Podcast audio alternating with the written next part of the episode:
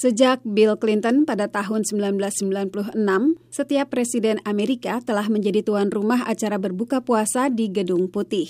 Setelah melanggar tradisi itu pada tahun 2017, Presiden Donald Trump untuk kedua kali menyelenggarakan buka puasa Senin malam. Ramadan is a time when people join forces in pursuit of hope, tolerance, and peace.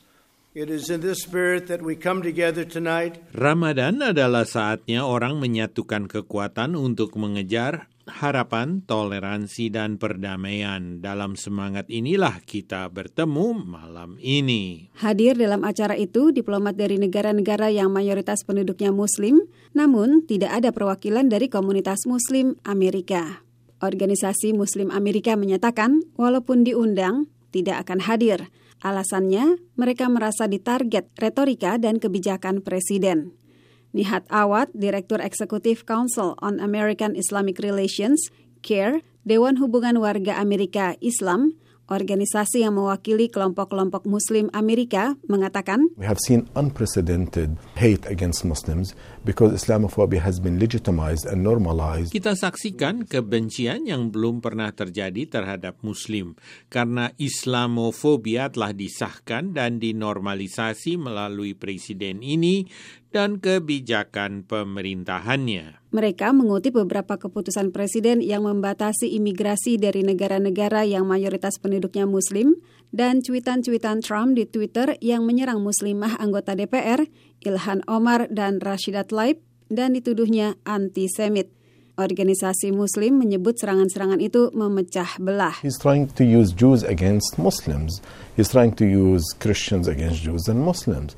And we all have to be smart and just work together. Ia hendak menggunakan orang Yahudi untuk melawan Muslim. Ia mencoba menggunakan orang Kristen untuk melawan Yahudi dan Muslim. Dan kita semua harus pintar dan bekerja bersama sajalah karena kita memiliki banyak kesamaan. Kita saling menyayangi. Kita mungkin tidak sepakat dalam politik, tetapi secara keseluruhan kita adalah satu komunitas. Kita adalah orang Amerika. Pada acara makan malam itu, Trump berbicara tentang kepedihan atas serangan baru-baru ini di seluruh dunia terhadap Muslim, Kristen, dan Yahudi, dan menyuruhkan perdamaian. Let us ask God to forever shine His goodness and blessings upon us. Mari kita memohon agar Tuhan senantiasa memberkahi kita dan mari kita terus bekerja bersama membangun masa depan yang penuh harapan dan niat baik bagi anak cucu kita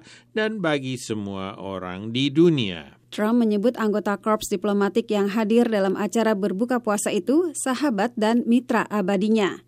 Duta Besar Indonesia Mahendra Siregar hadir dalam acara itu. President Trump really gave a lot of attention on some of the situations taken place in many parts of the Middle East. Presiden Trump benar-benar memberi banyak perhatian pada situasi yang terjadi di banyak bagian Timur Tengah dan bagian lain dunia yang sangat memprihatinkan Amerika. Meskipun hubungannya tegang dengan komunitas Muslim, Trump menutup pidatonya dengan mengatakan Amerika adalah negara yang dibangun di atas keyakinan bahwa warga negara, apa pun agamanya, bisa hidup bersama.